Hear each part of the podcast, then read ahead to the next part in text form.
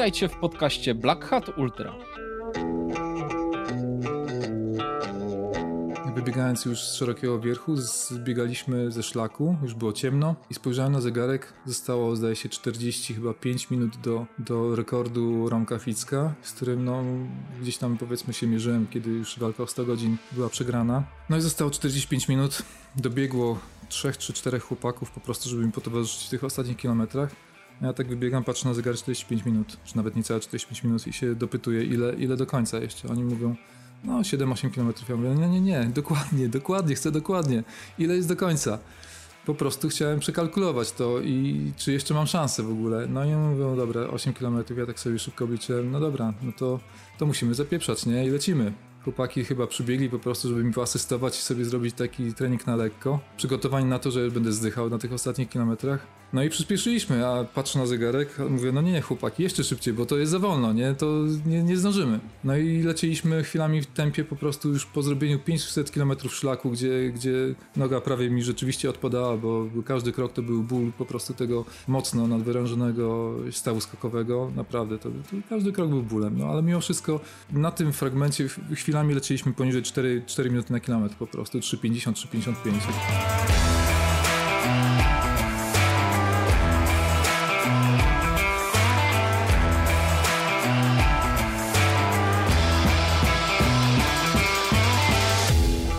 To był Rafał Kot. Ja nazywam się Kamil Dąbkowski i witam Was w podcaście Black Hat Ultra. W podcaście tym przedstawiam historię niezwykłych osób, które prowadzone pasją i ambicją pokonują swoje fizyczne i mentalne słabości, aby się rozwijać, a tym samym motywować i inspirować innych do poszukiwania w sobie tych nieodkrytych i niezliczonych pokładów energii. Miesiąc temu Rafał Kot przy fatalnej pogodzie pokonał 500-kilometrową trasę głównego szlaku Beskidzkiego, najbardziej kultowego i najdłuższego szlaku turystycznego w Polsce. Rafał zaczął w Ustroniu, a skończył w Wołosatym, przemierzając kilka pasm górskich i 20 tysięcy metrów przewyższeń. Rafał przeżył na szlaku pełen wachlarz emocji, które towarzyszą biegaczom długodystansowym. Chciałem porozmawiać z Rafałem właśnie o tym, o tych emocjach, Mniej mnie interesuje strona techniczna, bo na tym poziomie, bez osobistych doświadczeń, i tak na niewiele się ona przyda. Ale to, co się stało w Rafale w środku, bariery, które przełamał i wrażenia, których doświadczył, są tym, co mnie szalenie interesuje. Nie zapominajmy również o tym, że równolegle z Rafałem biegła Angelika Szczepaniak, która pokonała GSB w 139 godzin i 22 minuty. I jeśli jeszcze ktoś jej nie zna, to zapraszam do odsłuchania rozmowy z Angeliką w odcinku 60. Nie spotkam się z Angeliką teraz, ale w opisie do tego odcinka umieszczam link do jej wspomnień z trasy. Namawiam Was również do odsłuchania pierwszej rozmowy z Rafałem, którą odbyłem rok temu, w odcinku 26. Niniejsza rozmowa jest pod wieloma względami kontynuacją poprzedniej. A tak w ogóle to, jeśli podoba Wam się to, co robię, to serdecznie namawiam do wsparcia podcastu finansowo na patronite.pl ukośnik Black Hat Ultra. A wracając do Przekota. Z Rafałem spotkałem się w niedzielę w jego rodzinnym Szczytnie. Pomimo tego, że miesiąc temu przebiegł 500 km, to zmierzał w moim kierunku lekkim krokiem, trzymając w ręku pokaźny puchar po wygranej w lokalnym maratonie, na którym złamał trójkę. Gorąco namawiam do odsłuchania tej rozmowy w skupieniu, bo cisza i pauzy mają tu ogromne znaczenie. Posłuchajcie.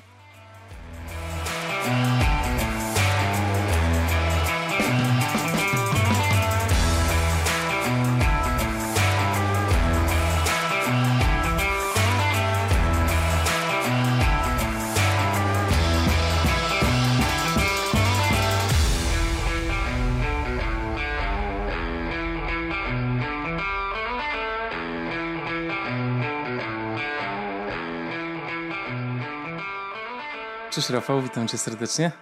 No cześć Kamil, po raz kolejny już po się spotykamy. Kolejny i powiem ci, jadąc do ciebie tutaj przez tę piękną jesienną Polskę, odsłuchałem nasz, po, naszą poprzednią rozmowę i okazało się, że już rok minął od tej ostatniej rozmowy.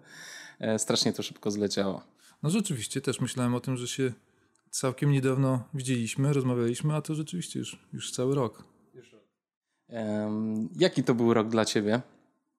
No, bardzo różnorodny, bardzo niestabilny, bardzo mm, powiedziałbym e, taki raz na wozie, raz z podwozem, z górki pod górkę i ciężko było cokolwiek zaplanować od początku do końca. Mocno się nastawiałem na początku tego roku, jeszcze kiedy zimą i na początku wiosny budowałem jakąś bazę pod to, co ma się wydarzyć. Miał być to bardzo mocny rok, gdzie, gdzie chciałem też za granicą trochę sobie powalczyć. No wyszło jak wyszło, że te zagraniczne możliwości były bardzo ograniczone. Ale jeśli miałbym dzisiaj podsumować właśnie już dzisiaj na przykład ten rok, to mimo wszystko, pomimo tych różnych przeciwności, które nas wszystkich spotkały, dla mnie osobiście sportowo był to bardzo, bardzo udany rok. Mhm. E, bo właśnie tak jak e, słyszałem podczas tej naszej e, zeszłorocznej rozmowy, miałeś chrapkę na UTMB w tym roku, prawda? No jest to już chrapkę na UTMB. Jest to oczywiście jeden z mm, planów, marzeń, tak. które siedzą mi z tyłu głowy od dobrych kilku lat.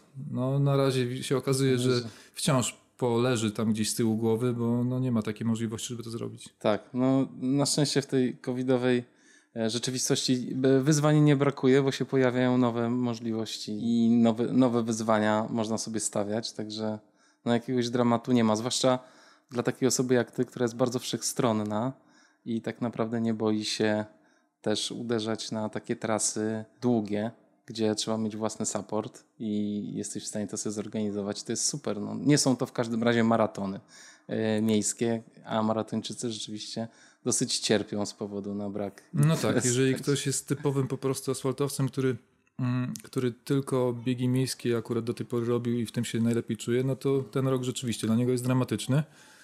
No tak, ja akurat miałem tę satysfakcję, że, że jestem dosyć wszechstronnym biegaczem, że nie uciekam ani od asfaltu, ani od traila, ani od gór, ani od pewnych własnych projektów, które gdzieś tam mi w głowie też siedzą.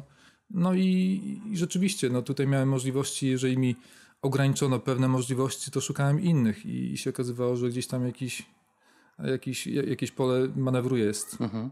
E, miałeś też e, plan w tym roku zrobienia e, kursu trenerskiego. To się udało? No nie, ten kurs miałem robić, tak, zacząłem co prawda. Mm, pod koniec zeszłego sezonu jeszcze no ale później się okazało, że moje plany startowe na tyle gdzieś tam sobie właściwie tak, tak ambitnie poprzeczkę postawiłem, że stwierdziłem, że no nie da rady tego pogodzić, e, żeby wyłączyć się na dobrych kilkanaście tygodni z, z właściwie z życia startowego jako biegacz. No i powiedzmy przepadł wtedy ten kurs. E, koniec końców się okazało, że że gdybym wiedział, że będzie taka sytuacja na świecie i w Polsce, a nie inna, to pewnie bym trochę inaczej tym wszystkim pokierował, no ale kto to mógł wiedzieć, jak będzie w przyszłości. Dziś też nie wiemy, co będzie za tydzień, a co dopiero, a co dopiero mm, dalej w kolejnych miesiącach, więc no nie, na razie się nie udało, ale pewnie się uda. No, życzę Ci tego, bo to na pewno też rozwojowe dla Ciebie będzie bardzo, także może, może udać się to, to zamknąć. A z imprez, które y, biegłeś w tym roku, z jakiej imprezy masz naj, najmilsze wspomnienia? Bo trochę tego się uzbierało pomimo, pomimo e, faktu, że dużo z tych imprez się nie odbyło. No mi się uzbierało bardzo dużo. Powiem Właśnie. ci nawet, że był to chyba pomimo wszystko, pomimo dwóch roztrenowań w trakcie tego roku, pomimo dwutygodniowej kwarantanny, którą musiałem przejść po, po, po powrocie z Trans Gran Canaria, to był najaktywniejszy rok dla mnie w ogóle chyba odkąd zacząłem biegać. Miałem pewien czas w lipcu, sierpniu, kiedy przez 7 tygodni właściwie co tydzień startowałem w biegach e, od 80 do 240 kilometrów. Mm, Wiesz co, ja jestem taką osobą, która gdzieś tam oczywiście pewne rzeczy niefajne się zdarzają w trakcie, e, czy też y, w samopoczuciu zaraz po biegach, po imprezach, ale generalnie koniec końców zapamiętuję i w głowie mi zostają tylko fajne wspomnienia, więc praktycznie chyba z każdym mógłbym powiedzieć o, o dobrych wspomnieniach.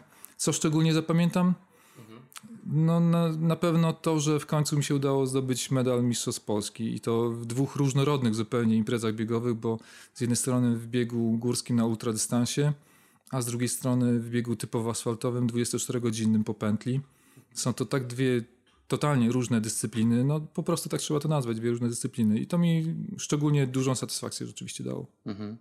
Tak, no to serdeczne gratulacje. Rzeczywiście, tak jak powiedzieliśmy na początku, jesteś bardzo wszechstronny i daje ci to ogromne e, możliwości startowe i rozwoju, także e, szapoba totalne z, z, z uwagi na to. E, a powiedz, jak wspominasz bieg siedmiu szczytów? W tym roku wygrałeś po raz trzeci. Po raz trzeci. No, Powiem tak. Pewnie wobec mnie były jakieś oczekiwania na to, że, że gdzieś tam nie tylko, no właściwie no niestety muszę się zderzać z, tak, z taką sytuacją, że, e, że się oczekuje ode mnie nawet już nie tylko wygrania na trasach, gdzie, gdzie, gdzie się pojawiam i udaje się zazwyczaj zdobyć jakiś, um, uzyskać jakiś dobry wynik, ale miałem wrażenie w tym roku, że, że, że wciąż było to oczekiwanie, e, że, że ten wynik z zeszłego roku da się jeszcze podkręcić, poprawić. No nie, akurat warunków w tym roku na to nie było. Moim planem było to, żeby pojechać tam i powalczyć o, o kolejne zwycięstwo. Jeżeli by były warunki pozwalające na to, żeby powalczyć o, o zbliżenie się do zeszłorocznego rekordu, to też o tym oczywiście gdzieś tam myślałem, ale moim zdaniem w tym roku na to nie było szans. Zrobiłem to, co miałem w planie, czyli po prostu pojechałem, wygrałem po raz trzeci. Mm, miałem dużo frajdy, miałem też dużo e, ciężkich momentów. Rzeczywiście tam trzeba było nie, było, nie przyszło to łatwo, trzeba było to mocno powalczyć. Każdy bieg tego typu, każde spotkanie się na trasie biegu siedmiu szczytów to jest oddzielna bajka, oddzielna historia. I tu nie ma tak, że człowiek sobie staje na starcie i ktoś do niego mówi, to jak, dzisiaj będzie kolejny rekord? No nie, nie będzie. Tutaj to jest, to, to nie, ma, nie ma tak. To jest za każdym razem oddzielna książka, oddzielna historia i, i tak do tego trzeba podejść z wielkim respektem, szacunkiem, dystansem i oczywiście świetnie przygotowanym będąc. Myślę, że udało się zrobić w 100% scenariusz, który sobie gdzieś tam za, za, zapisałem mm, odnośnie tego biegu jestem bardzo zadowolony. To jest też tak, że mm, y, tacy zawodnicy jak ty też potrzebują kogoś, z kim mogą powalczyć na tej trasie, prawda? To też bardzo motywuje gdzieś tam do spięcia się. E, znaczy, na pewno, oczywiście, że tak. E, tak się zastanawiam, jeżeli prędzej czy później pewnie dojdzie do takiej sytuacji, bo, bo dalej planuję nie, nie znudziła mi się trasa biegu siedmiu szczytów i pewnie się pojawię w może przyszłorocznej edycji, może w kolejnych edycjach. I ciekawa byłaby sytuacja, kiedy ponownie miałbym kogoś, z kim bezpośrednio musiałbym walczyć. Nie, tak. Bo ostatnie dwa lata to było tak, że dosyć dużą przewagę udało mi się mm, zrobić nad kolejnym zawodnikiem, a później praktycznie kontrolowałem to, co się działo na trasie. A jeżeli byłaby taka sytuacja, gdzie, gdzie trzeba by było walczyć na żyletki, no mogłoby to być ciekawe rzeczywiście. Mm, pewnie się taka sytuacja zdarzy prędzej czy później.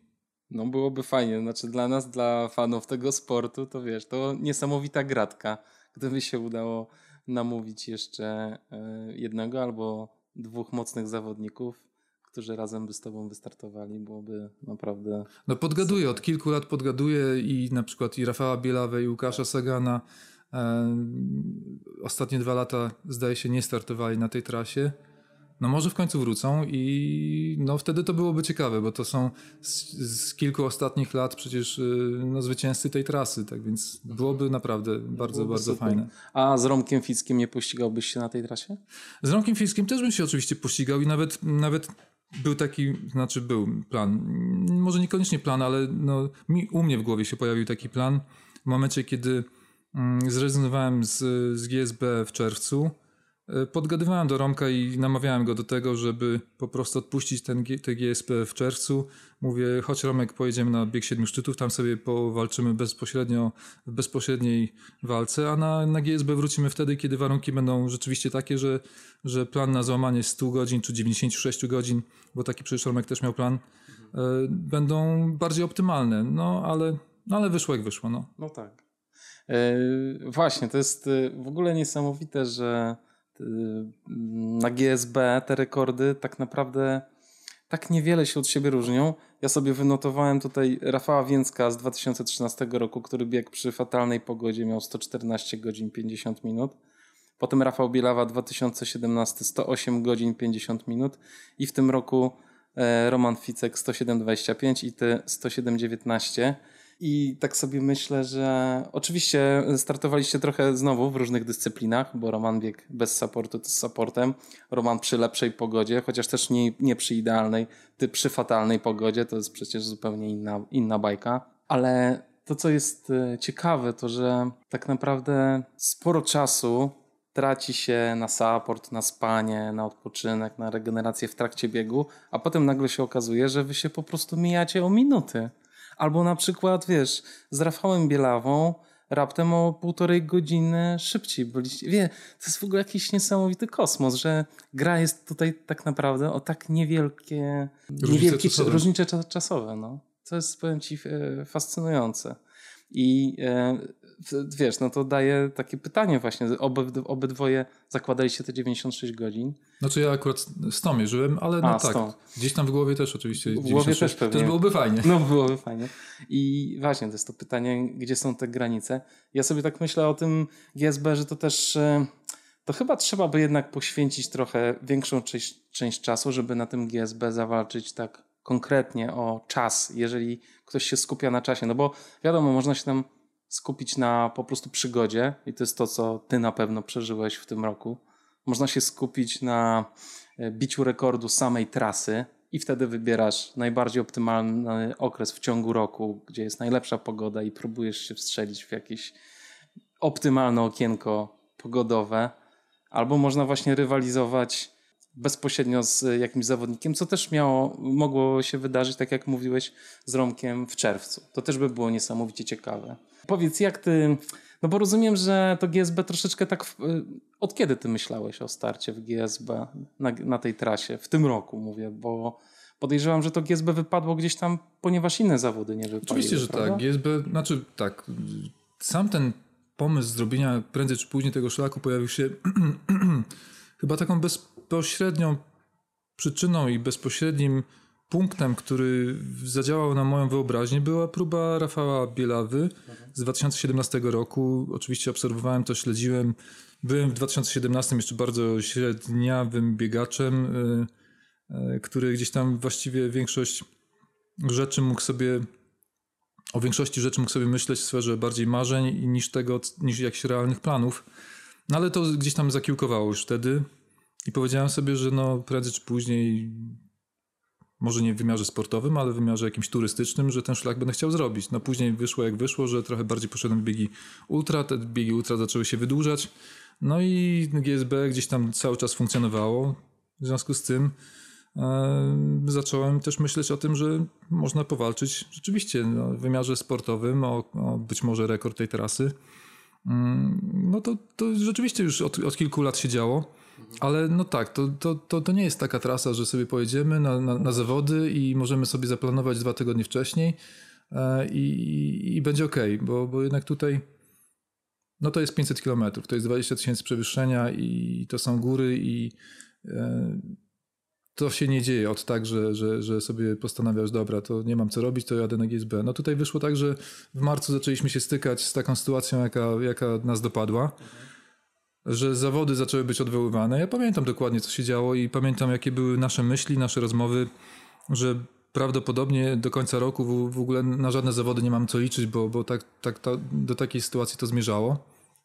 No to co? Trzeba było sobie jakieś alternatywne, alternatywne plany zacząć wymyślać. I mówię, skoro, skoro to GSB gdzieś tam w głowie siedzi, no to właśnie, właśnie to jest chyba ten czas po tak. prostu. No bo jak tak. nie teraz, to kiedy? E, a na ten, e, że tak powiem, wyścig e, z Romkiem nie zdecydowałeś się ze względu na to, że spodziewałeś się tam złych warunków atmosferycznych, tak? Ja pamiętam wtedy. To znaczy że... nie, Kamil. Mm, nie? Powiedziałeś o, o różnym podejściu do GSB. Tak, tak. Mm, I tu akurat w czerwcu miała być fajna zabawa w sensie naszej wspólnej rywalizacji bezpośredniej. Mhm to byłby jeden z aspektów tego, tego w ogóle zmierzenia się i z GSB i, i zrobienia tego, z tego fajnego wydarzenia. Ale dwa, jednak chodziło o konkretny wynik. No jeżeli y, ja sobie założyłem wynik, powalczyć o wynik 100 godzin, a widziałem, że sytuacja na szlaku jest taka, no bo ja doskonale znam Beskid Niski i wiem, jak to wygląda, Bieszczady, Beskid Niski, jak to wygląda, kiedy na szlaku jest dużo błota, kiedy jest e, po prostu wszystko rozmoknięte. E, no i po prostu się mnóstwo czasu i energii na to traci. No. Tak. Stwierdziłem, że. Nie walka... jest to biegowa wtedy impreza. No tak, no wtedy można przeżyć przygodę po tak. prostu, tak. ale jeżeli chcesz powalczyć o konkretny wynik, który sobie gdzieś tam z góry założyłeś, no to od razu na, na, na starcie jesteś no, na przegranej trochę pozycji, no, więc, więc stwierdziłem, że, że po co y, marnować potencjał, który, na który gdzieś tam pracowałem e, przez tyle czasu, przez ileś tam miesięcy się człowiek przygotowuje, żeby właśnie utknąć w błotach Beskidu Niskiego i stwierdzić, że, że, że kurde, a można było dwa tygodnie na przykład poczekać. Tak. Mm, no dlatego, dlatego się wycofałem z tego. Oczywiście wiem, że niektórzy cokolwiek nie powiem i jakkolwiek bym nie tłumaczył tej, tej decyzji, tej sytuacji, Niektórzy akurat mają swoje własne zdanie i twierdzą, To że po tak prostu będzie. zrezygnowałem, bo się przestraszyłem. Ale Spoko, no można tak do tego podchodzić. Jeżeli ktoś ma takie zdanie i nie chce żadnej innej argumentacji usłyszeć, to, to jest jego, jego sprawa. No fakty są inne jednak. No tak. Nie, no, y, absolutnie zawsze będą takie, takie s- zdania padały i to chyba się nie ma co przejmować. Trzeba, trzeba robić swoje. Dokładnie tak do tego No, podchodzę. no i ty zrobiłeś swoje. Wystartowałeś e, w innym terminie, licząc na to, że trochę pogoda będzie lepsza, ale też byłeś związany jednak z supportem. To nie jest tak, że mogłeś sobie przesuwać start swojego biegu dowolnie, prawda? No dokładnie, tutaj akurat wiesz, mówiłeś o tym, że żeby powalczyć o konkretny wynik i zoptymalizować po prostu przygotowania pod to właśnie, żeby o ten wynik móc powalczyć. Powiem Ci, że przygotowania do, tego, do tej próby e, trwały od właściwie kilku miesięcy. Przygotowaliśmy wszystko. Ja się przygotowałem jako, oczywiście, jako ten, który miał startować y, pod względem fizycznym, sportowym, y, pod względem supportu, pod względem mm, logistycznym. Wszystko mieliśmy na, praktycznie na tip-top dograne. No niestety musiałaby też pogoda zagrać. E, No, no tak, byliśmy związani tutaj z konkretną datą, z konkretnym terminem, bo, bo no tak wyszło. No teraz już też widzę, że na przyszłość, przy kolejnej próbie nie można sobie tak wyznaczać na, na konkretny dzień e, tego terminu, bo, bo, Tak bo, na można się, sztywno. bo można się spotkać dokładnie z taką samą sytuacją. No, akurat tu wyszło tak, że, że cały wrzesień był piękny, a my trafiliśmy na warunki, które no, nie spotkałem się chyba nigdy w Beskidzie Niskim, szczególnie z takimi warunki, warunkami, na jakie trafiliśmy. No właśnie, bo właściwie to lało cały czas, nie? No, praktycznie pierwszy dzień, może to była jeszcze jakaś nadzieja na, na to, że, że, że, że coś z tą pogodą się ułoży, ale właściwie już pod wieczór i w nocy szczególnie, no właściwie pod wieczór, jak zaczęło lać przed, glinny, przed przełęczą Glinne, to już później było Coraz gorzej. coraz gorzej, tak. Tak, ja się dzisiaj z tego chętnie śmieję i właściwie w trakcie, w trakcie tego wyzwania też do pewnego momentu próbowałem robić dobrą minę do złej gry i mimo wszystko się z tego śmiać, mimo wszystko gdzieś tam sobie na, na miękko to przyjmować, ale oczywiście gdzieś tam no, to wywierało duże, duże piętno, dużo mnie kosztowało i nas wszystkich kosztowało, support też kosztowało, przecież wszyscy odczuliśmy to bardzo mocno. Mm, No ale tak jak mówię, zapamiętuję pewne rzeczy, które były pozytywne, na tym się skupiam, a te, które powiedzmy były negatywne, to traktuję jako naukę i staram się z tego wyciągnąć odpowiednie wnioski. Przy kolejnej próbie już doskonale wiem, co trzeba zrobić, żeby to było lepiej przygotowane, ponieważ oczywiście wydawało mi się, że, że tutaj um, opracowaliśmy plan na 100% i się okazuje, że niekoniecznie, bo, bo właśnie musimy być przygotowani na to, że jeżeli pogoda nie zagra, to musimy mieć jakiś plan awaryjny. Żeby Mm. przesunąć start po prostu, tak? Dokładnie, wystarczyłoby chociaż mieć taki termin zapasowy na przykład Tak. i, i, i, i już można by tutaj trochę mieć większe pole manewru. Tak więc przy kolejnej próbie będzie jeszcze lepiej. Mhm. A jeśli chodzi o pozostałe rzeczy, czyli odżywianie, sen, to było tak jak chciałeś, to, czy to wyglądało tak jak chciałeś, żeby wyglądało, czy tutaj też... nie, nie, nam się to szyb, szybko, oczywiście plan był bardzo fajnie moim zdaniem rozpisany, jak gdzieś tam go przygotowałem z, z głową, wydaje mi się i był realny do zrealizowania, Mm, ale niestety no, dosyć szybko nam się zaczęło to rozjeżdżać, no i, i, i, i te przerwy, które były przygotowane na sen i te miejsca, które przygotowaliśmy na to, żeby właśnie zrobić sobie dłuższą przerwę i właśnie tam trochę mocniej odpocząć i też w związku z tym miejsca, gdzie mm, i, gdzie mieliśmy na przykład coś mm, konkretniejszego zjeść na spokojnie, to też trochę inaczej wyglądało. Oczywiście nie, z, z, jedzeniem nie było, z mojej perspektywy nie było problemów, ponieważ ja o mnie tutaj support idealnie za, zadbał i naprawdę stawał na głowie, żeby tutaj, żeby, no, żeby, żebym w tym aspekcie tutaj był dobrze, dobrze mm, potraktowany.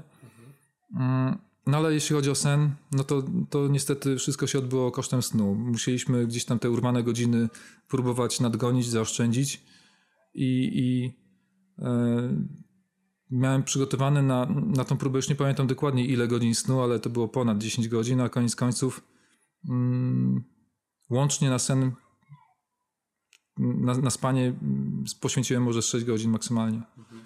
Niestety to odbiło swoje też piętno. Swoim kosztowało to, że po prostu w nocy no, to tempo mocno siadło i szczególnie przy tej pogodzie, kiedy jeszcze dodatkowo było, była bardzo gęsta mgła.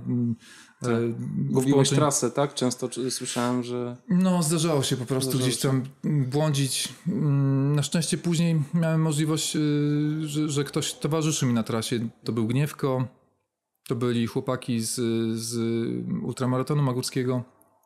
Artur Piecha też był tam na Babiej Górze z tobą. Artur tak? Piecha akurat pomógł mi nie w momencie, kiedy, chociaż tak, no, mogły być problemy z nawigacją. Artur bardzo dobrze zna Babią Górę. Zapowiadało się, że jak będziemy akurat na Babiej Górze, to będzie tragedia pogodowa, że będzie mgła, że będzie ulewa. W końcu jak akurat weszliśmy na Babią, nie było aż tak tragicznie, tak więc, tak więc yy, no ale, ale Artur był takim powiedzmy osobą, która jeżeli miałaby się ta pogoda gdzieś tam w trakcie na przykład popsuć, albo no, się zapowiadało na to, że akurat na Babie będzie tragedia. Na taką tragedię trafiła zresztą Angelika. Angelika kilka godzin wcześniej. Dokładnie I, i się skończyło to na szczęście dobrze, ale mogło się skończyć gorzej. Tak, pogubiła się tam. No. Tak więc no po prostu tutaj Artur był bardzo, bardzo ważnym punktem w całym tym prze... Ja, ja bardzo się obawiałem Babie Góry. No to jest taka góra, którą, którą, na którą trzeba uważać, a szczególnie jak się robi przy takich warunkach pogodowych, niestabilnych, bardzo niestabilnych y, i w nocy. Tak więc no tutaj miałem przynajmniej tą satysfakcję, że, że gdzieś z kimś pokonywanie tej góry z kimś i do tego, kto, kto zna tą górę bardzo dobrze, no to jest taki komfort psychiczny. No, na pewno.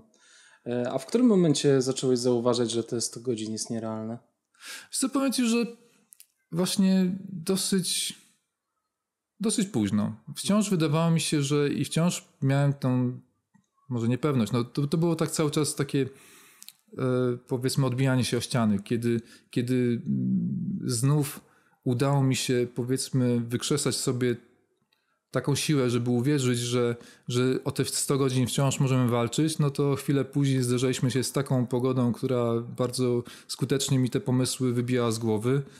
No i to było takie po prostu od ściany do ściany, wiesz, co stwierdziłem, przez chwilę przestało lać i stwierdziłem, no dobra, teraz możemy nadgonić, może akurat to jest ten moment przełomowy, to może to jest ten, ta chwila, kiedy się odmienią, odmienią warunki i, i od, tej, od tego momentu będzie już tylko lepiej, nie? No a chwilę później się okazuje, że było znów jeszcze gorzej, więc dosyć późno, wiesz, się stwierdziłem, że, że, że, że te 100 godzin jest poza zasięgiem, nawet jeszcze w Beskidzie Niskim wydawało mi się, że, że jest to do zrobienia. Na pewno jak wybiegałem z Krynicy, to, to wiedziałem, to znaczy tak podejrzewałem, że, że wciąż, wciąż to, ten plan jest do zrealizowania.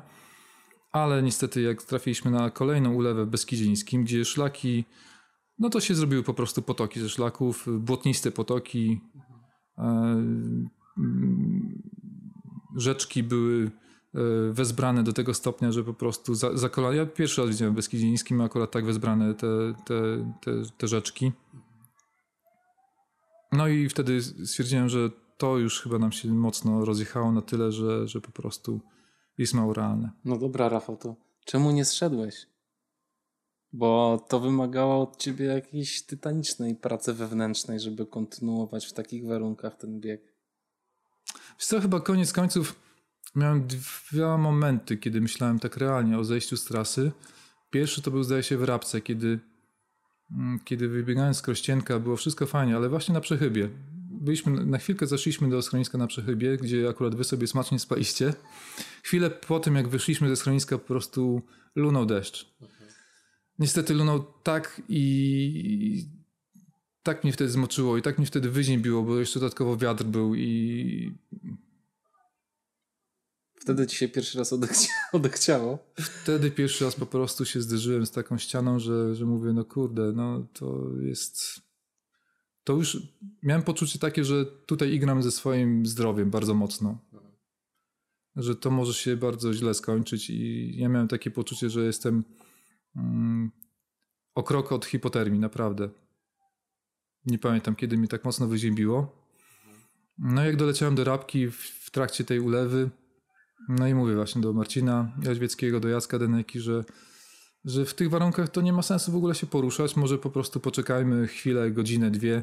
W tym czasie może się zrzemnę i, i trochę sił odzyskam.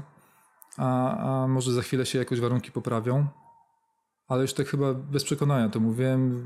Chyba oni zrozumieli, szczególnie Jacek, że że chyba jakieś złe myśli zaczynają mi do głowy przychodzić. No Jacek mi uświadomił, że jednak trzeba, trzeba dalej, chcesz walczyć, po to tu przyjechaliśmy, więc walcz i, i nie ma tutaj siedzenia w ciepłym samochodzie, tylko no niestety wychodzisz tą mgłę i, i deszcz.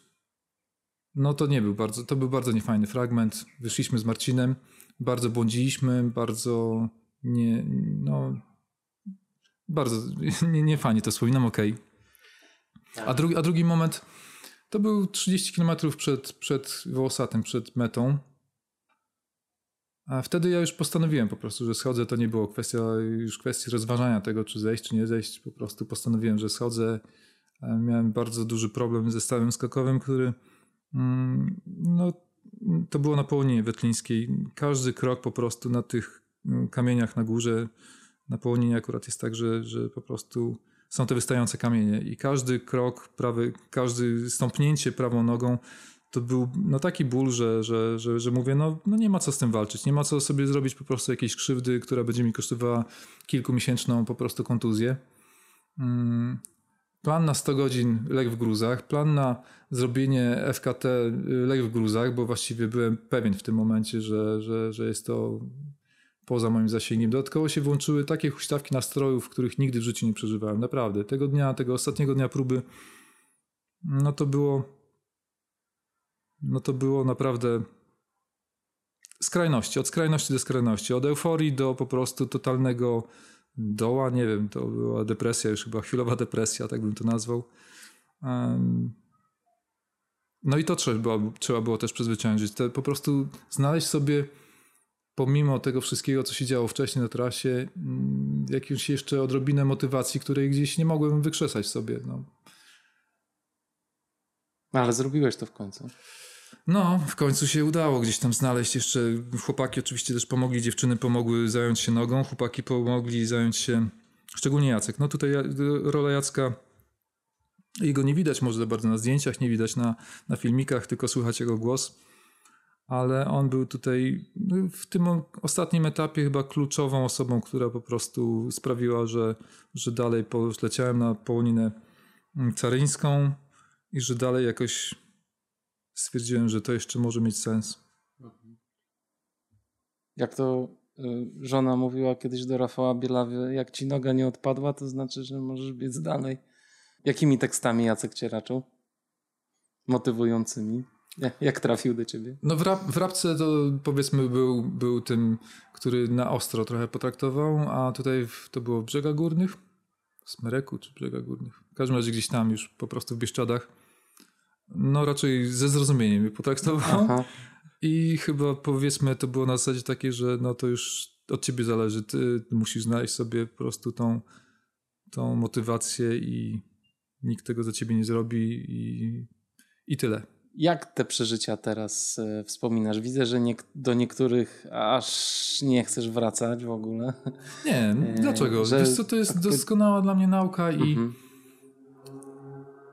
Powiem ci, że mm, mimo wszystko, pomimo tego, co się tam działo, dobrego i złego, powiedzmy, sporo też było niefajnych rzeczy, ale, ale one jakoś mi dały taki bardzo osobisty wewnętrzny kontakt i wewnętrzny, taki mój osobisty, powiedzmy, stosunek do, i do szlaku, i do tej trasy, i do mnie samego. Ja, powiedzmy, gdzieś tam użyłem takiego określenia, że odkryłem siebie sam trochę na nowo. Pewne rzeczy w sobie, których nie byłem świadom, których, o których nie wiedziałem i których pewnie bym nigdy nie odkrył, gdybym nie zrobił podobnego wyzwania w podobnych warunkach.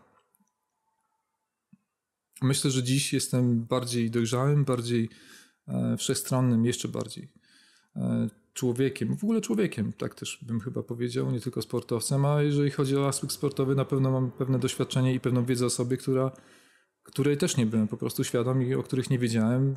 Zdarzyły się takie historie, które gdzieś mi ktoś kiedyś opowiadał, a ja mówiłem, oczywiście mówiłem jedno, a myślałem sobie, nie, nie, ściemniasz, nie?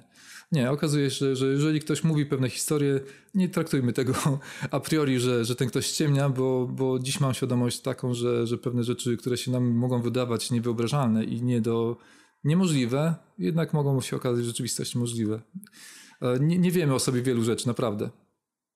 Znaczy, myślę, że podobnie tak jak ty teraz będziesz opowiadał e, o tym, co tobie się przytrafiło, to lu ludziom po prostu ciężko będzie w to uwierzyć i się odnaleźć w tej rzeczywistości, którą ty przeżyłeś. I to chyba nawet e, nie będzie tak, że ktoś uważa, że ty ściemniasz, tylko po prostu to jest to pewnie ciężkie do wyobrażenia sobie. Jakie sytuacje tam przeżywałeś? Jesteś w stanie to jakoś słowami opisać w ogóle? Czy to były jakieś głębokie, emocjonalne stany? E, nieprzekładalne na język. No wiesz co, tutaj akurat musiałem powiedzieć Ci trochę o, o tym ostatnim dniu, no, o tych powiedzmy takich emocjonalnych skrajnościach. Hmm. Ciężko, nie, nie, wiem, czy potrafię o pewnych sytuacjach powiedzieć takimi słowami. Hmm. Może gdybym się posiłkował zdjęciami, hmm, obrazem, filmem, jakoś byłoby łatwiej. Ale potrafię opowiedzieć na przykład o historiach takich stricte biegowych, gdzie, gdzie na przykład doszło do takiej sytuacji, gdzie wybiegając już z szerokiego wierchu, zbiegaliśmy ze szlaku, już było ciemno mm, i, i spojrzałem na zegarek. Zostało, zdaje się, 40, chyba 5 minut do, do rekordu Romka Ficka z którym no, gdzieś tam powiedzmy się mierzyłem, kiedy już walka o 100 godzin była przegrana. Hmm, oczywiście chciałem gdzieś tam, jeżeli byłaby możliwość, poprawić przynajmniej ten naj, naj, naj, najlepszy czas pokonania szlaku. Już bez względu na formułę, po prostu najlepszy czas pokonania szlaku. No i zostało 45 minut. Dobiegło trzech czy czterech chłopaków po prostu, żeby mi potowarzyszyć w tych ostatnich kilometrach. Ja tak wybiegam, patrzę na zegar 45 minut, czy nawet niecałe 45 minut i się dopytuję, ile, ile do końca jeszcze. Oni mówią, no 7-8 kilometrów. Ja mówię, nie, nie, nie, dokładnie, dokładnie, chcę dokładnie. Ile jest do końca? Po prostu chciałem przekalkulować to i czy jeszcze mam szansę w ogóle. No i mówią, dobra, 8 kilometrów, ja tak sobie szybko obliczyłem, no dobra, no to, to musimy zapieprzać, nie? I lecimy. Chłopaki chyba przybiegli po prostu, żeby mi poasystować i sobie zrobić taki trening na lekko. Mhm. Przygotowani na to, że będę zdychał na tych ostatnich kilometrach. No i przyspieszyliśmy, a patrzę na zegarek, mówię, no nie, chłopaki, jeszcze szybciej, bo to jest za wolno, nie? To nie, nie zdążymy. No i lecieliśmy chwilami w tempie po prostu już po zrobieniu 500 km szlaku, gdzie, gdzie noga prawie mi rzeczywiście odpadała, bo każdy krok to był ból po prostu tego mocno nadwyrężonego stawu skokowego. Naprawdę, to, to każdy krok był bólem. No ale mimo wszystko na tym fragmencie chwilami lecieliśmy poniżej 4, 4 minuty na kilometr po prostu, 3,50, 3,55. Jak spojrzałem na zegarek, mówię, wow. Ja jeszcze z plecakiem, który gdzieś tam ważył cały czas 2-3 kg, e, w dwóch koszulkach, dwóch bluzach mm, ciepłych, dwóch kurtkach, ponieważ takie już miałem problemy z termiką w pewnym momencie, że po prostu zakładałem na siebie dwie koszulki, dwie bluzy, dwie kurtki, długie spodnie, stuptuty i czapkę, rękawiczki i wcale się nie czułem, że jest mi zimno.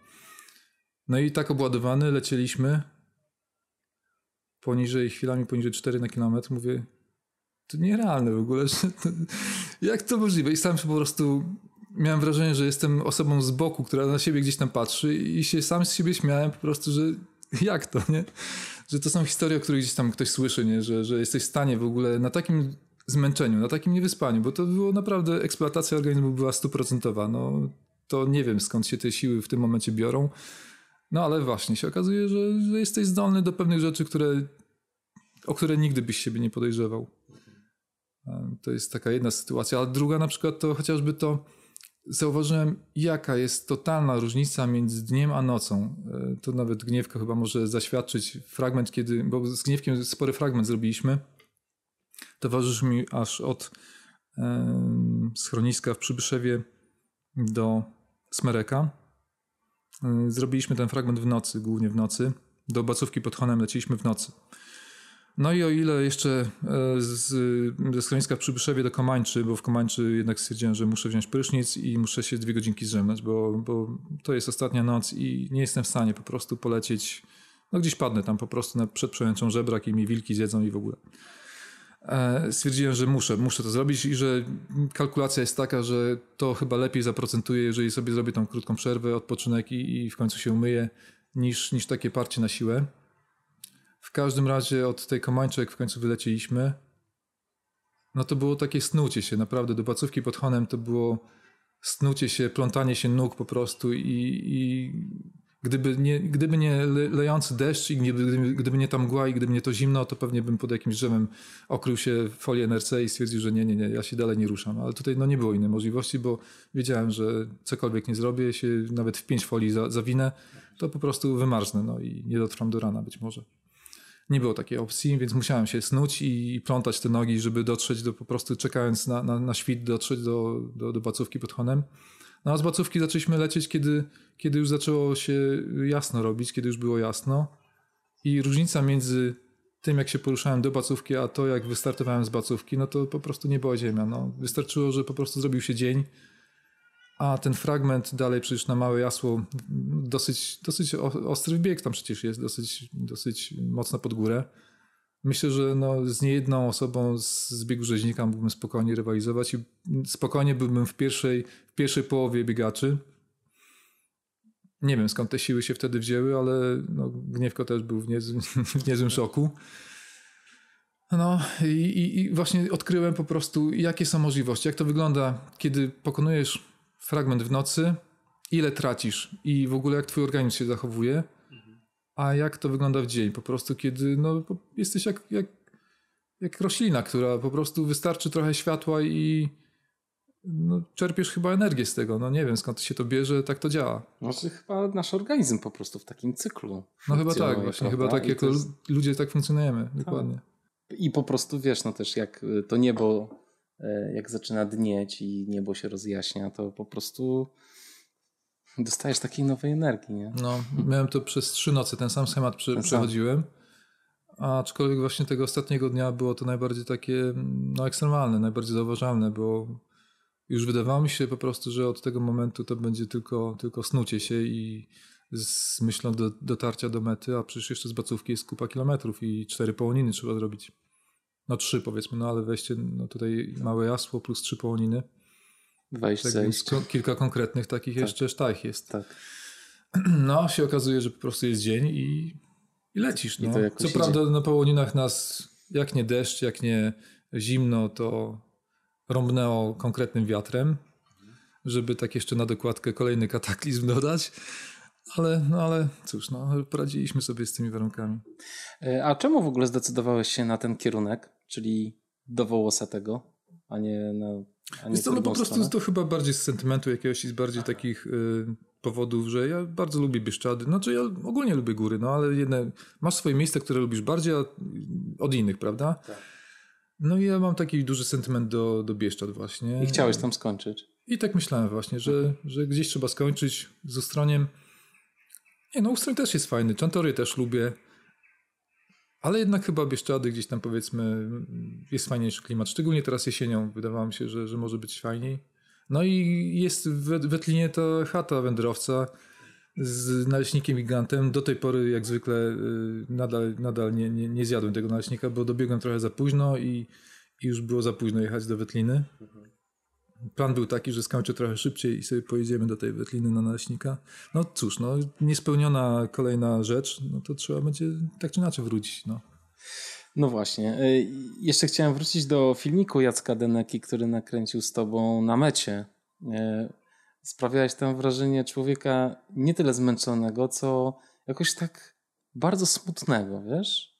Nie wiem, może to też wynikało właśnie ze zmęczenia, ale miałem wrażenie, że przyszywa jakiś smutek. Tak się czułeś na mecie?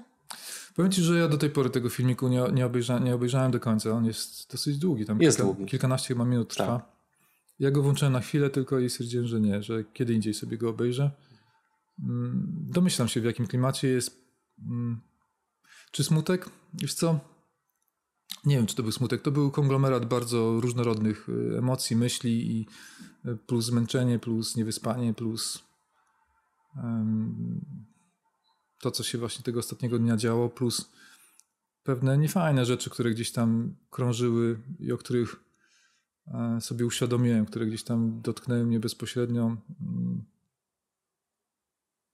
Takie rzeczy, które wyszły, tak, z ciebie gdzieś, z jakiegoś środka, czy to były jakieś sytuacje na szlaku nieciekawe? Nie ze mnie. Bardziej bym powiedział, że pewne sytuacje, które gdzieś tam dookoła się działy i które. Wiesz, w takim momencie mam wrażenie, że odbierasz pewne rzeczy dużo, dużo bardziej wrażliwie, jesteś bardziej być może przewrażliwiony na pewne rzeczy i one docierają do ciebie z, ze zwielokrotnioną siłą. E, I no, no powiem o jednej takiej sytuacji. Ja, ja, nie mam, znaczy nie, nie mówię o tym z perspektywy jakichś pretensji, czy z perspektywy y, jakiegoś żalenia się. Po prostu opiszę to, jak, jak, jak będąc w momencie, kiedy, kiedy się odczuwa dużo, dużo bardziej pewne rzeczy, jak to działa. Kiedy, w momencie, kiedy mieliśmy problem z nadajnikiem, e, nadajnikiem, który się rozładował, chociaż miał wytrzymać 120 godzin, nie wytrzymał tyle. No i wbiegamy na połoninę caryńską, i nie pamiętam, kto mi wtedy towarzyszył. Darek Wetchacz chyba. W każdym razie Jacek, Jacek dzwoni do nas, bo nie mieliśmy tego nadajnika, zostawiliśmy go na dole właśnie, żeby się podładował chwilę. Jacek dzwoni i mówi, że po prostu przy każdej tabliczce e, na tej połoninie, a przypominam, że po prostu była tragiczna pogoda na górze, była bardzo, bardzo duży wiatr i była mgła i była taka mrzawka po prostu zacinająca było bardzo, bardzo niefajnie. Dodatkowo oczywiście zmęczenie, wyspanie i tutaj ta boląca noga cały czas mnie. I jeszcze dzwoni Jacek i właśnie się okazuje i, musimy się przekrzykiwać po prostu i, i, i, i słyszę, że musimy przy każdej tabliczce sobie zrobić zdjęcie, żeby móc udokumentować, że, że na tej górze byliśmy i że nie, nie ściemniamy, że niczego nie oszukujemy, że, że nie będzie po prostu, żeby przy ewentualnym rekordzie, czy w ogóle przy ewentualnym wyniku, który zrobimy, po prostu nikt nie mógł tego podważyć. No i Przypominam po prostu, że pewne rzeczy docierają do ciebie po prostu ze zwielokrotnioną siłą, no, kiedy jesteś w takim stanie. I sobie wtedy uświadomiłem, że kurczę, że, że no my ogólnie jako środowisko, ogólnie być może jako ludzie, no coś chyba nie, nie do końca w nas jest tak. To znaczy ja, ja nie byłem przygotowany może na takie, na takie rzeczy, że, że, że wiesz, że, że po prostu jest takie z góry założenie, że, że, że, że kogoś chcesz okłamać, że gdzieś komuś chcesz coś ściemnić, że, że musisz posuwać się do pewnych rzeczy, które mi tam do głowy nie przychodziły, żeby później móc udowodnić komuś, że, że zrobiłeś dobry wynik. Po prostu ja to traktowałem, być może traktowałem to do tej pory jako pewną przygodę i pewną frajdę i mimo wszystko, mimo trudności, które, z którymi się zderzyliśmy. A tu się okazuje, że jeszcze dodatkowo, że, że po prostu musisz e, udowadniać. No w taki sposób rzeczy. udowadniać pewne rzeczy. No. Później jeszcze się okazało pewne, pewne historie, które gdzieś tam też wyszły już po zrobieniu tego wyniku, które siedziały poza mną, zupełnie poza mną. To, to, to, to ta cała dyskusja, która gdzieś tam się wywiązała. Um, ocena mojego rekordu, ocena rekordu Romka i porównywanie tego zupełnie bez sensu, zupełnie bez sensu, ale w momencie, kiedy no ja byłem wykończony gdzieś tam na tej mecie i doszło do mnie echo po prostu tych, tych głosów. No powiem po prostu po ludzku, że mi się zrobiło przykro i było to bardzo niefajne. No. Więc może, może, może jakaś pochodna tego wszystkiego też gdzieś tam w tym filmiku jest. No. Jeżeli o to pytasz, być może nastrój tej chwili był też tym spowodowany. Mhm. I dlatego nie chcesz oglądać tego filmiku? Nie chcesz sobie przypominać tych, tych chwil? Czy... E, znaczy wiesz co, nie, nie. E, Wiesz co, wiesz dlaczego? Ponieważ ten film to jest taka bardzo, bardzo osobista rozmowa. Ja bardzo się cieszę, że Jacek to zrobił. Bardzo się cieszę, że w ogóle robił to, co robił i to, jak to robił. A w momencie, kiedy nie miałem ochoty na to, żeby to robił, to po prostu była... Pamiętam, że była taka rozmowa, że, że, że Jacek kręcił film, a ja się go pytam, Jacek kręcisz? Jacek mówi, no, no to mówię, to nie kręć, to musimy pogadać. Mhm. I w tym momencie Jacek wyłączał i nie było kręcenia. Mhm. Tutaj akurat nakręcił to. Bardzo, bardzo się z tego cieszę, że to nakręcił, ponieważ jest to bardzo osobista rzecz. Myślę, że gdzieś tam między słowami i, i wyszło z tego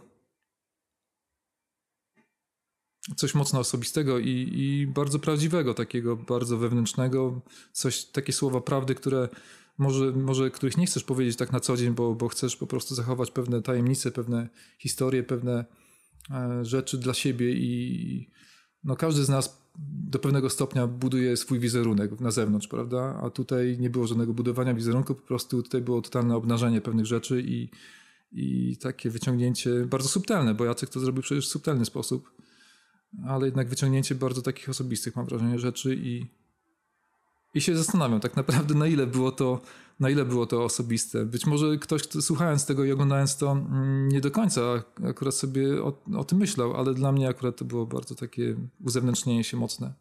Mhm.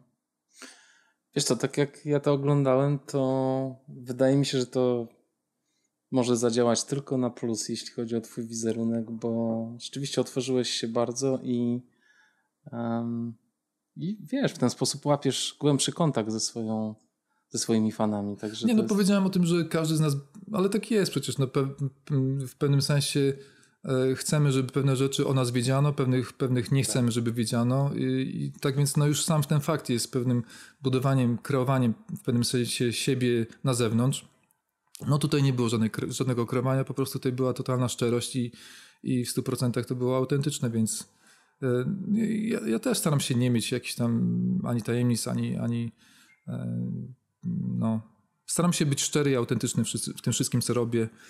Mm, czasami aż się gryzę w język w pewnych rzeczach, w pewnych momentach, że, że za dużo sobie pozwalam, a czasami wręcz, że za mało.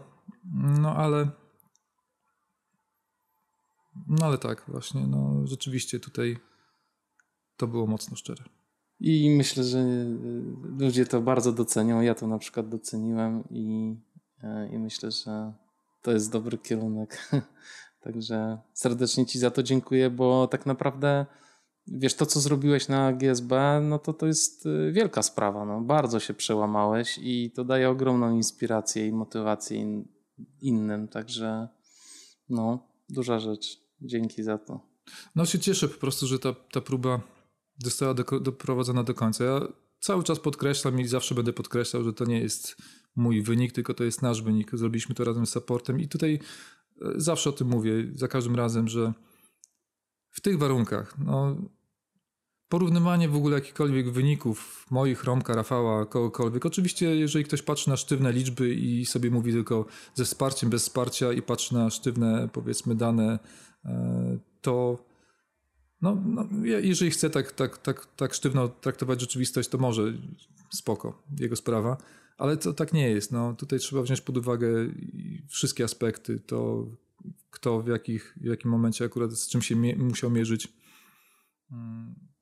Absolutnie tak. Znaczy, w ogóle rekordy tras przy biegach górskich to jest takie dosyć umowne tak naprawdę, no bo to, no, to nie prawda. jest miarodajne. No czy to jest GSB, czy to jest, nie wiem, bieg Marduły, to wszystko zależy. No.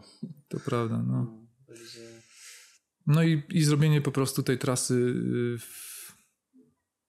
dla mnie to jest takie, nie wiem, mo mocno to zapamiętam i rzeczywiście cieszę się, że się udało to ukończyć. Na pewno z perspektywy czasu, gdybym gdzieś tam na tym 30 kilometrze Pewnie bym nie skończył. Pewnie bym po prostu doszedł do samochodu, być może przesiedział trochę, poczekał, aż noga trochę mniej, przesta- mniej, za, mniej będzie boleć i poleciałbym dalej. No ale, ale w tym momencie takie miałem myśli, że, że chcę skończyć. Na szczęście udało się do, doprowadzić to do końca. No i, i tak jak mówię, to nie tylko moja próba, to cała próba naszego supportu i kilku osób zaangażowanych w to. Mm, I no i rzeczywiście tak, traktuję to jako coś, coś, coś bardzo mocnego w moim biegowym życiorysie. Podczas naszej pierwszej rozmowy powiedziałeś, że ty jak będziesz podchodził do GSB, to raczej w formule bez wsparcia. I chciałem się spytać, co się, co się zmieniło? No tak, wiesz co, ja ci powiem tak, że po prostu moja taka filozofia życiowa, biegowa filozofia byłaby zdecydowanie za tym, żeby, żeby zrobić, i taka była moja koncepcja, żeby zrobić to po prostu ze wsparcia. Zawsze tego typu projekty mm, no są mi dużo bliższe, żeby to przeżyć jako przygodę taką właśnie e, po prostu integracji gdzieś tam z naturą, być sam z, tylko i wyłącznie z tym środowiskiem naturalnym i, z, i ja, ja góry, żeby to miało taki klimat naprawdę mocno uduchowiony gdzieś tam i mocno wewnętrzny, mój prywatny.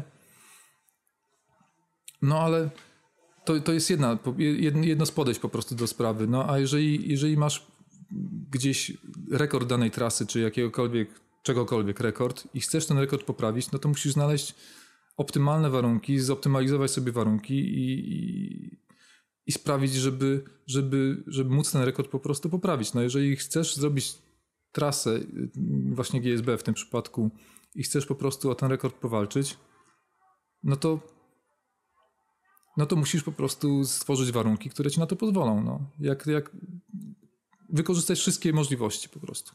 Już zakomunikowałeś, że wracasz na GSB w przyszłym roku? Oczywiście, że wracam. No, jeżeli no wiadomo. Jest, no, to jest, jest, oczywiste. Ja po prostu jestem osobą, która nie rzuca słów na wiatr i, mhm. i, to nie jest tak, że powiem, że robię 100 godzin, a później, a później, a później gdzieś się z tego wycofam. No nie udało się tutaj zrobić 100 godzin, no to działamy dalej i będzie kolejna próba aż do skutku. No i tyle.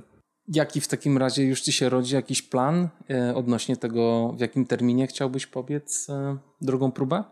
No, no wiesz, no dziś mam już zaplanowane, tylko że jaki będzie ten kolejny rok, znowu niewiele wiemy.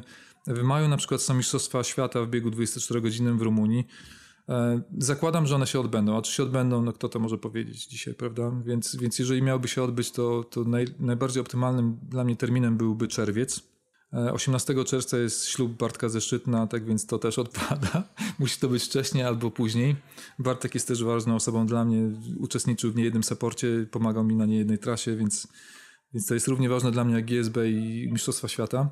W każdym razie w, marcu, w maju są Mistrzostwa Świata, w lipcu jest DFBG i bieg siedmiu szczytów, który, na którym pewnie znów się pojawię. Więc ten czerwiec najbardziej optymalny się wydaje. Mhm. E, jeszcze Łemkowyna w maju. nie wiem na ile no jesteś... właśnie, no teraz się okazuje, że jeszcze Łemkowyna w maju, tak. jeszcze być może inne rzeczy się pozmieniają, dlatego... Nie wiadomo co będzie. Nie wiadomo nic na 100%. Na, na, pewno e, na pewno zrobię GSB. Jeżeli imprez biegowych będzie mniej, bo, bo taka będzie sytuacja, no to będę miał większe pole manewru, jeżeli chodzi o terminy. No wolałbym oczywiście nie mieć tego pola manewru, wolałbym, żeby wszystko wróciło do normy, żeby można było sobie z góry coś zaplanować i do tego planu się przygotowywać. No ale wiem jak jest. Ale może już nie w październiku, co? Nie, zdecydowanie w październiku, po pierwsze tak jak powiedziałem, no, nauczony jestem tym, że, że jednak dzień a noc to jest niebo a ziemia i, i wiem jak organizm się zachowuje w nocy, i, a jak się zachowuje w dzień, tak więc moim zdaniem lepiej to robić w momencie, kiedy dzień jest dłuższy.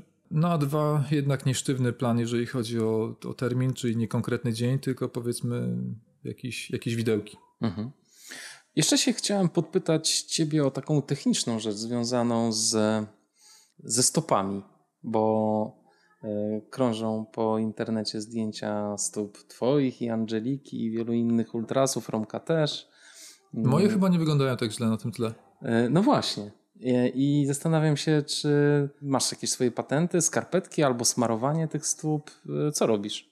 Nie wiem, czy to można nazwać patentem, ale po prostu nauczony doświadczeniem e, wiem, gdzie normalnie mi się robią odciski, w których miejscach na stopach, no to wiedząc, że te odciski prędzej czy później tak się pojawią przy tego typu trudnych biegach, zawodach, wyzwaniach, projektach, to nie czekam, aż mi się pojawią te odciski, tylko po prostu staram się im zapobiegać, a zapobiegam naklejając plastry, takie w sensie second skin. Zazwyczaj te plastry naklejałem sobie w momencie, kiedy już ten odcisk był. Wiązało się to później z bólem, ponieważ ściąganie plastra z tego odciska to niestety to było straszne. To po co czekać, aż, aż się to zrobi, kiedy można to nakleić sobie wcześniej i rzeczywiście bardzo, bardzo ogranicza później powstawanie odcisków. Jaki smarujesz stopy czymś przed... Nie. Nie, nie mam też Oczywiście no, współpracuję z pewnymi firmami i nie chcę tutaj niekoniecznie tam robić reklamy, e, nie, niekoniecznie akurat tutaj, ale nie, nie mam zdania, że e, skarpetki tej firmy konkretnie i ten akurat model to są idealne, a reszta jest do kitu. Myślę, że niekoniecznie. Myślę, a stosujesz że... skarpetki wodoszczelne czy normalne? Nie, nie. Jakoś nie miałem okazji za bardzo pracować. Znaczy na jakimś biegu grałem skarpetki wodoszczelne, ale były za małe na mnie. Tak więc nie miałem do tej pory możliwości stosowania wodoszczelnych skarpet. Nie wiem, ciekaw, sam jestem ciekawy po prostu, jakby się stopa zachowywała.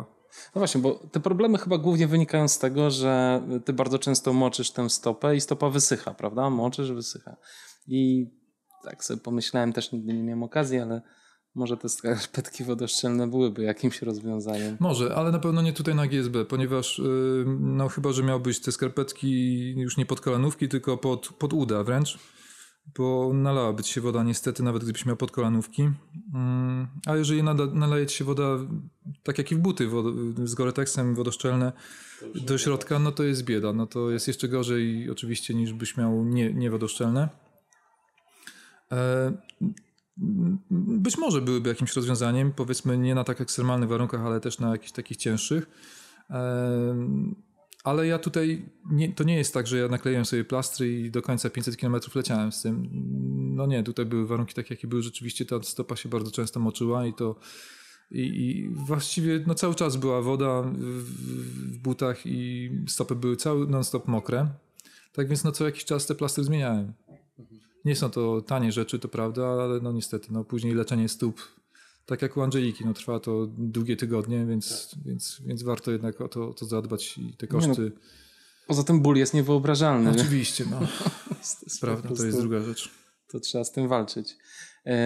Słuchaj, opowiedziałeś mi przed rozmową, że masz jeszcze chrapkę na fajny projekt tej jesieni. No dzisiaj już mogę mm, zdradzić, ponieważ ta rozmowa się nie ukaże ani dzisiaj, ani jutro. Tak w piątek. Chwilę to potrwa, w piątek już pewnie wszyscy będą wiedzieli, ponieważ mam zamiar to wrzucić informacje trochę szybciej. No dzisiaj był test. Dla mnie wziąłem udział w takich kameralnych zawodach na dystansie maratonu. Zrobiłem sobie test. Dzisiaj, jak rozmawiamy, to jest trzy tygodnie po, po GSB. Miałem duży problem, tak jak mówiłem, z tym stawem skokowym, bardzo spuchnięta stopa, duży ból i ten ból się przy każdym powiedzmy w jakimś tam ruchu, podniesieniu stopia czy palców pojawiał dosyć intensywnie. Minęło 3 tygodnie.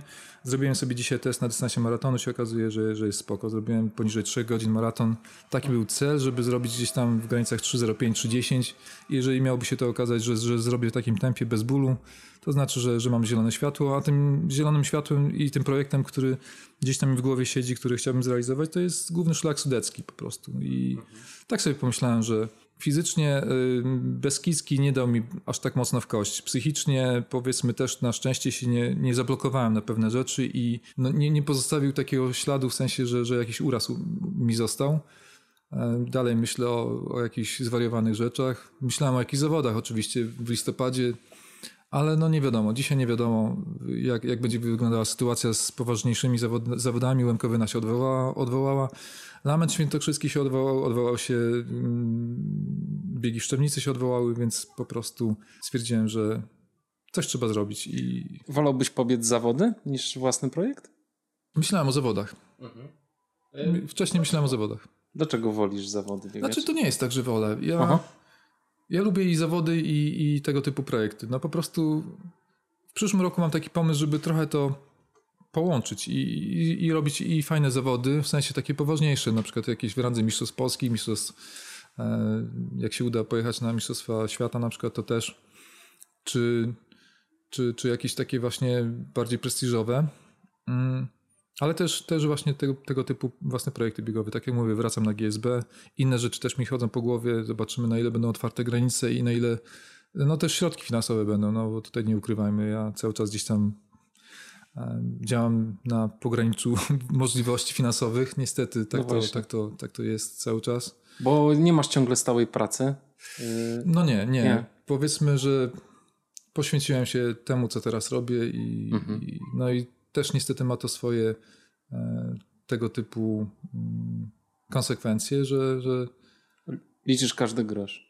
Trochę tak, no. no. Aczkolwiek spotykam się ze śmiesznymi sytuacjami, tak jak ostatnio ktoś mi powiedział, że kurczę, Rafał, ciebie tam już rozpoznają, to ten, to, to pewnie nie masz problemów finansowych. No, tak, tak, tak, tak się okazuje, że niektórzy to postrzegają, no niestety nie, nie, nie jest to tak. E, w każdym razie, w każdym razie wracając do tematu, e, no to nie jest tak, że, że wolę zawody, a, a, a na przykład kosztem czegoś. Nie, w tym roku po prostu po raz pierwszy zrobiłem duży, indywidualny projekt biegowy. Mhm. Się okazało, że, że bardzo mi się ta formuła podoba, a jest pewną alternatywą w momencie, kiedy tych zawodów nie będzie, bo nie wiadomo jak będzie. E, no. Nie, to co jest niesamowite w tobie jako w biegaczu, to też, że jesteś w stanie bardzo szybko, tak naprawdę nie potrzebujesz żadnego specjalnego treningu, żeby się przygotować do trasy tak długiej jak GSB czy GSS Prawda? Bo to nie jest tak, że ty. Jeżeli masz odpowiednią bazę w sensie no prze, przerobionych kilometrów, to jesteś w miarę elastyczny. No właśnie. I to jest, e, i to jest super, że, e, że tak masz i że się możesz łatwo przystawić i nie musisz się jakoś szykować pół roku, wiesz, do te, Poza tym te, te polskie góry to też nie oszukujmy się, to nie, to nie są powiedzmy jakieś nie wiadomo jakie, no, oczywiście no, przewyższenia na, na 500 km 20 tysięcy przewyższenia, Ale to nie są jakieś tam wielkie trudności techniczne, do których się trzeba szczególnie przygotowywać. Techniczne nie, ale myślę po prostu o wiesz, bieganiu odpowiedniej ilości kilometrów, ale ty i tak biegasz dużo, prawda? Ile w tej chwili tygodniowo biegasz średnio kilometrów? To różnie, wiesz, ciężko powiedzieć. No, powiem ci tak, że w tym roku mamy 25 października, do, do dzisiaj mam przebiegniętych jakieś 6,5, 6600 kilometrów. Do końca roku pewnie dojdę do, do, do liczby 8000 kilometrów. No, w zeszłym roku było to 7700. Też trzeba uważać na jakieś kontuzje, czy na jakieś przeciążeniowe, czy, czy na jakieś zmęczeniowe sprawy. No, to ja, ja, nie chcę, ja nie mówię o tym, co mówię teraz, żeby się jakoś tam chwalić, czy po prostu komuś dać wskazówkę, do, no, czy wskazówkę. No, wskazówkę ktoś może mieć, jako, potraktować jako wskazówkę, ale nie jako taką radę, którą musi zastosować w swoim życiu, ponieważ, ponieważ do tego też trzeba, do takich kilometraży też trzeba dochodzić z czasem to raz, a dwa, no, no, no nie każdy musi to robić, bo też zależy, co chce robić tak naprawdę i do czego się przygotowuje. A trzy, chyba też nie każdy może tak zrobić. No. Nie każdy może, bo to jest chyba kwestia jednak regeneracji w dużej mierze. Regeneracji prawda? i pewnych uwarunkowań, myślę, indywidualnych. Więc... Udało ci się trochę poprawić e, sen? Dłużej sypiasz w, w tym roku? Bo pamiętam, że ostatnio troszkę zarzucałeś sobie, no, że nie... Na, nadal jestem y, tak, niereformowany. że, że siedzisz do późna i... E, tak, co, niestety, co, nadal, nadal. Co nie. robisz? Czytasz książki, grasz w gry, czy oglądasz Netflixa? Nie, raczej książki właśnie. No. I to, I to jest bardzo niefajne. Akurat w tym roku miałem dwa roztrenowania i kwarantannę. Mhm. W momencie, kiedy mam powiedzmy taki okres, kiedy nie mogę gdzieś tam się poświęcać na jakieś zawody, czy, czy, czy na jakieś biegania, czy, czy coś takiego, no to właśnie sięgam po te książki. Jak sięgnesz po książki, to po prostu później się nie mogę oderwać. No i później się nie mogę znowu przestawić na ten tryb, mm, na ten tryb powiedzmy innego życia. No i w związku z tym zarywam na przykład noce, poświęcam ten czas, który powinien być inaczej poświęcony na, na to, żeby gdzieś tam sobie poczytać Dostojewskiego, czy Camille, czy, czy nie wiem, czy Hermana Hesse, chociażby Czyli ostatnio. klasyka. No, wiesz co, jest tyle pozycji z klasyki, których wciąż, które są wciąż na mojej liście, które a których jeszcze nie przeczytałem, że, że chyba ta klasyka cały czas będzie mi do końca życia towarzyszyć jednak. A czytałeś Moby Dicka? Dawno temu, tak. No właśnie, e, ja też, a ostatnio jest e, bardzo wiele osób e, zaczyna o nim mówić na nowo i bardzo chcę go sobie odświeżyć. Podobno jest niesamowicie współczesny. To tak jak Walden Davida Toro o życiu, powiedzmy, w zgodzie z naturą. Mhm. Taki myślę, że chyba znak czasu na, na, pewne, na pewne rzeczy i nasze podejście do świata, do życia, do samych siebie. Tak, literatura klasyczna jest, jest czymś, do czego na pewno warto sięgać zawsze. No, oczywiście, myślę, ja, zresztą ja jestem zwolennikiem Złotego Środka, filozofii Arystotelesa i on powtarzał, że człowiek, żeby być szczęśliwy i spełniony, no to musi być, musi mieć właśnie no, złoty środek. No, po, nie, nie, tylko powiedzmy aktywność fizyczna, ale też y, rozwijanie swojej aktywności duchowej. No, nie można e, być tylko, albo nie można być tylko powiedzmy kimś, kto rozwija się duchowo i na to poświęca 100% swojego czasu, a zaniedbuje siebie jako swoje ciało i siebie jako, jako istotę powiedzmy tą cielesną. Myślę, że to wszystko trzeba połączyć i, i wtedy jest dużo, dużo lepiej dla nas samych. Absolutnie. Rafał, dziękuję Ci bardzo za rozmowę. E, podczas naszej rozmowy słońce zaszło i już nie, Ciebie nie widzę właściwie.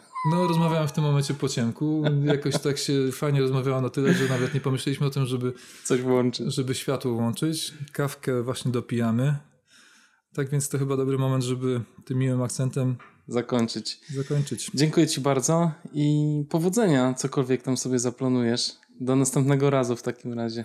Powodzenia dla nas wszystkich. No, ja tutaj jeszcze mam, nie wiem, taki apel i taką, no, do organizatorów, bo, bo ja jako zawodnik, my jako zawodnicy możemy sobie znaleźć jakieś właśnie pomysły na, na bieganie, a wy musicie niestety ten trudny czas przetrwać i no fajnie będzie, jeżeli przy kolejnych zawodach w kolejnym sezonie będziemy mogli razem się spotykać. No wszyscy jedziemy na tym samym wózku, pamiętajcie o tym. Pozdrawiam serdecznie, dzięki, trzymaj się. Dzięki.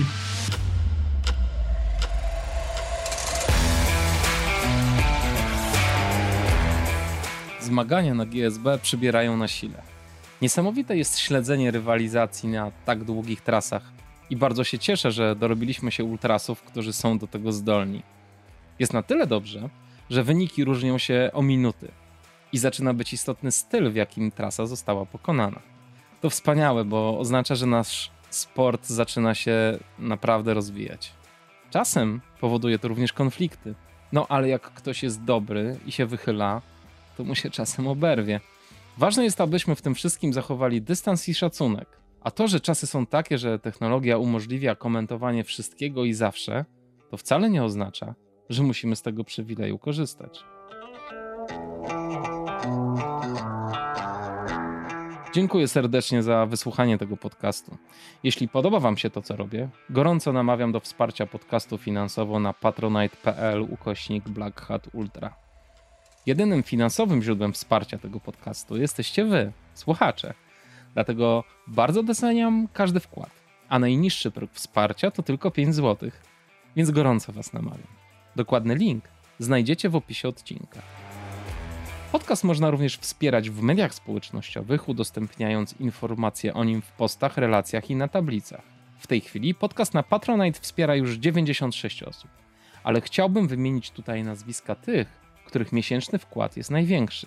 Są to Agnieszka Barczyk, Krzysztof Bednarz, Adam Bogdał, Magdalena Czernicka, Agnieszka Dudek, Andrzej Gąsiorowski, Bieta Chryń-Morawska, Michał Janiak, Paweł Kaczmarek, Przemysław Kozłowski, Szymon Kubicki, Agnieszka Łęcka, Marek Maj, Wojtek Mąka, Michał Mężykowski, Wojciech Pietrzok, Łukasz Różanowski, Kamil Sowiński, Marcin Stafaniak, Przemysław Strąg i Edyta Winnicka. Dziękuję Wam, kochani, bardzo serdecznie za wsparcie. Nieustająco zapraszam wszystkich również do wystąpienia w moim drugim podcaście o nazwie Black Hat Team. Jego formuła wygląda w ten sposób, że sami nagrywacie swoje historie, a nagrany materiał wysyłacie do mnie i ja go publikuję w formie podcastu. Gorąco namawiam do tego, abyście się przełamali i opowiedzieli swoją historię. Zapewniam, że znajdziecie swoich odbiorców. Więc jeśli czujecie, że chcecie to zrobić, zapraszam do kontaktu na adres ultra.blackhatultra.pl. Ten odcinek podcastu Black Hat Ultra przygotowali Kamil Dąbkowski, prowadzenie i montaż oraz Piotr Krzysztof Pietrzak, transkrypcja i media społecznościowe, a autorem muzyki jest Audio Dealer.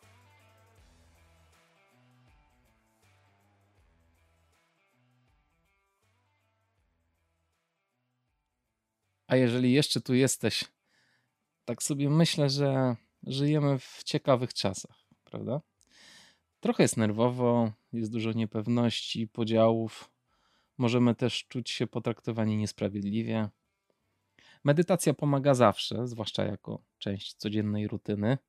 Jednak medytacja czasami nie wystarcza. Czasem trzeba działać bardziej zdecydowanie. Gdy trenujemy sumiennie 5 dni w tygodniu, musimy też zadbać o regenerację. Jest to niezmiernie ważne nie tylko dla nas, ale również dla naszych dzieci i rodzin. Dlatego nie zapominajmy o codziennych wieczornych spacerach. To wspaniale wpływa na naszą regenerację, zwłaszcza gdy te spacery odbywają się w centrach naszych miast. Niezależnie od pogody, nieważne czy wali piorunami, czy też nie, spacery są kluczowe, abyśmy czuli się dobrze. Oczywiście nie zapominajmy o maseczkach. Do zobaczenia na spacerze. Buźka.